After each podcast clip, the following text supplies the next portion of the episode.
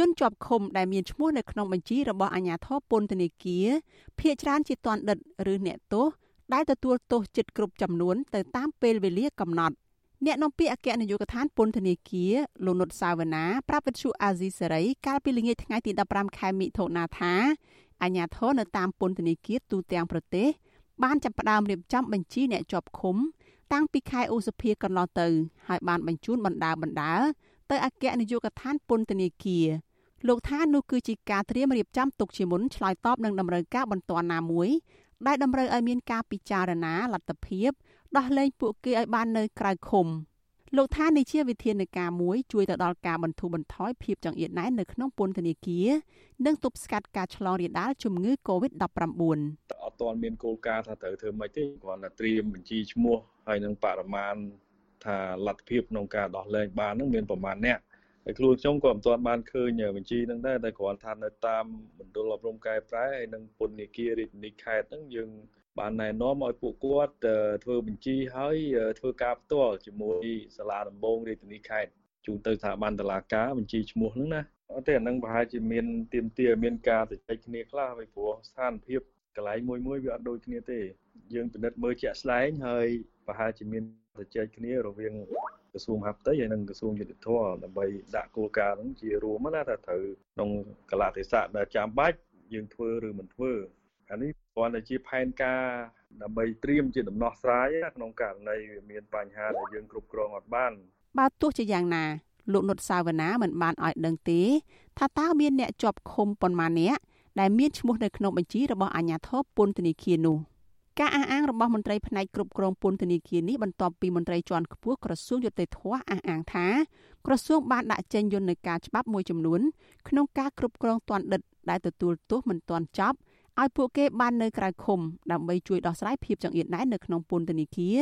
និងទប់ស្កាត់រលកចម្លងជំងឺ Covid-19 អ្នកនាំពាក្យក្រសួងយុតិធធលោកកឹមសន្តិភាពប្រាប់សារព័ត៌មានក្នុងស្រុកថា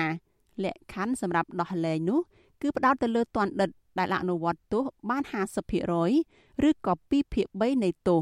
លោកថាក្នុងករណីពួកគេអនុវត្តមិនបាន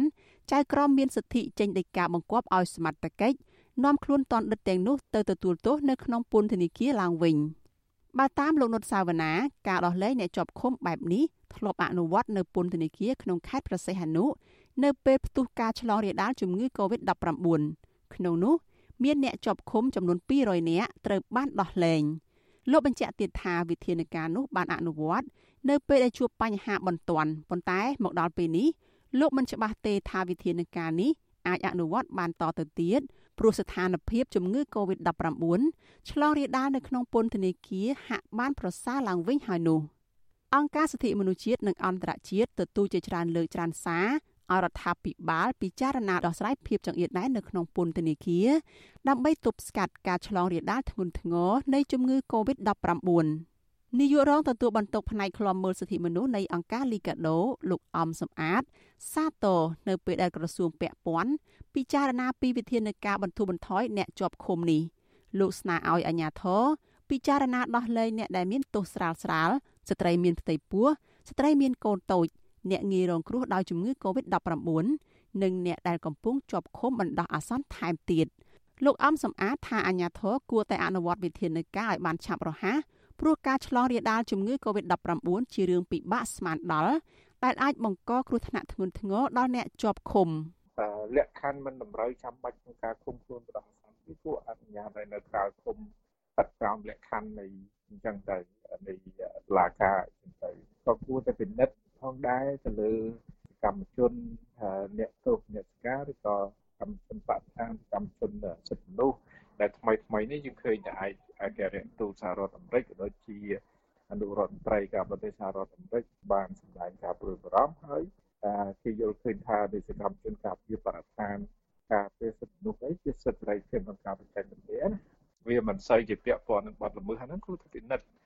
លទ្ធភាពនឹងដែរបើតាមលោកអំសំអាតការដោះលែងអ្នកជាប់ឃុំបណ្ដោះអាសន្នគឺអាចអនុវត្តបានងាយស្រួលដោយមិនចាំបាច់ត្រូវមានវិធានការច្បាប់អ្វីបន្ថែមឡើយ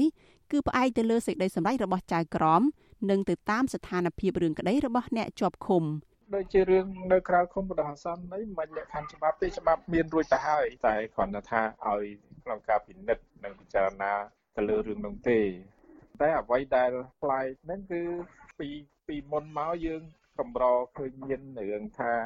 អ្នកដែលចិត្តផុតទោសហ្នឹងត្រូវបានដោះលែងឬក៏ស្ថិតក្នុងក្រោមលក្ខខណ្ឌអីនៅរបស់តុលាការអីគឺយើងអាចដែលមានទេអញ្ចឹងហើយបានលទ្ធភាពទាំងអស់ហ្នឹងគឺខាងក្រសួងយុទ្ធភ័ពហើយជាពិនិត្យទៅវាតតែមានគោលការណ៍ដែលជាប់ដោយលក្ខខណ្ឌអីអញ្ចឹងបានចាប់ផ្ដើមនៃការបង្កើតនៃគោលការណ៍ទាំងអស់នឹងឡើងនឹងជាមួយគ្នានេះមន្ត្រីសិទ្ធិមនុស្សរបស់អង្គការសហប្រជាជាតិ រួមទាំងមូលនិធិអង្គការសហប្រជាជាតិសម្រាប់កុមារឬ UNICEF ផងធ្លាប់បានជួបផ្ទាល់ជាមួយនឹងមន្ត្រីពាក់ព័ន្ធរបស់កម្ពុជា កាលពីដើមខែមិថុនានេះជជែកពីកង្វល់និងមធ្យោបាយដោះស្រាយភាពចង្អៀតណែននៅក្នុងពន្ធនាគារនិងភាពងាយរងគ្រោះដោយសារតែការឆ្លងរាលដាលជំងឺ Covid-19 នេះដែររបាយការណ៍របស់អង្គការ Liga do កាលពីចុងឆ្នាំ2020រកឃើញថា នៅក្នុងចំណោមពន្ធនាគារចំនួន18ដែលអង្គការនេះបានឃ្លាំមើលគឺមានពន្ធនាគារចំនួន17មានការដាក់មនុស្សលើសពីទំហំផ្ទុក ចំនួនពី3ទៅ4ដង អង្គការដដែលថាភាពចង្អៀតណែនដ៏លំបាកនេះបានបង្កើតឲ្យមានស្ថានភាពកាន់តែអាក្រក់ដូចជាអសវត្ថភាពគ្មានអនាម័យនិងអមនុស្សធម៌ជាដើម គិតមកដល់ពេលនេះយ៉ាងហោចណាស់ក៏មានអ្នកជាប់ឃុំនៅក្នុងពន្ធនាគារចំនួន3នាក់ហើយបានស្លាប់ដោយសារតែជំងឺ Covid-19 និងមានពន្ធនាគារចំនួន8បានផ្ទុះការឆ្លងជំងឺ Covid-19 នេះនាងខ្ញុំសុជីវីវិទ្យុអាស៊ីសេរីពីរដ្ឋធានី Washington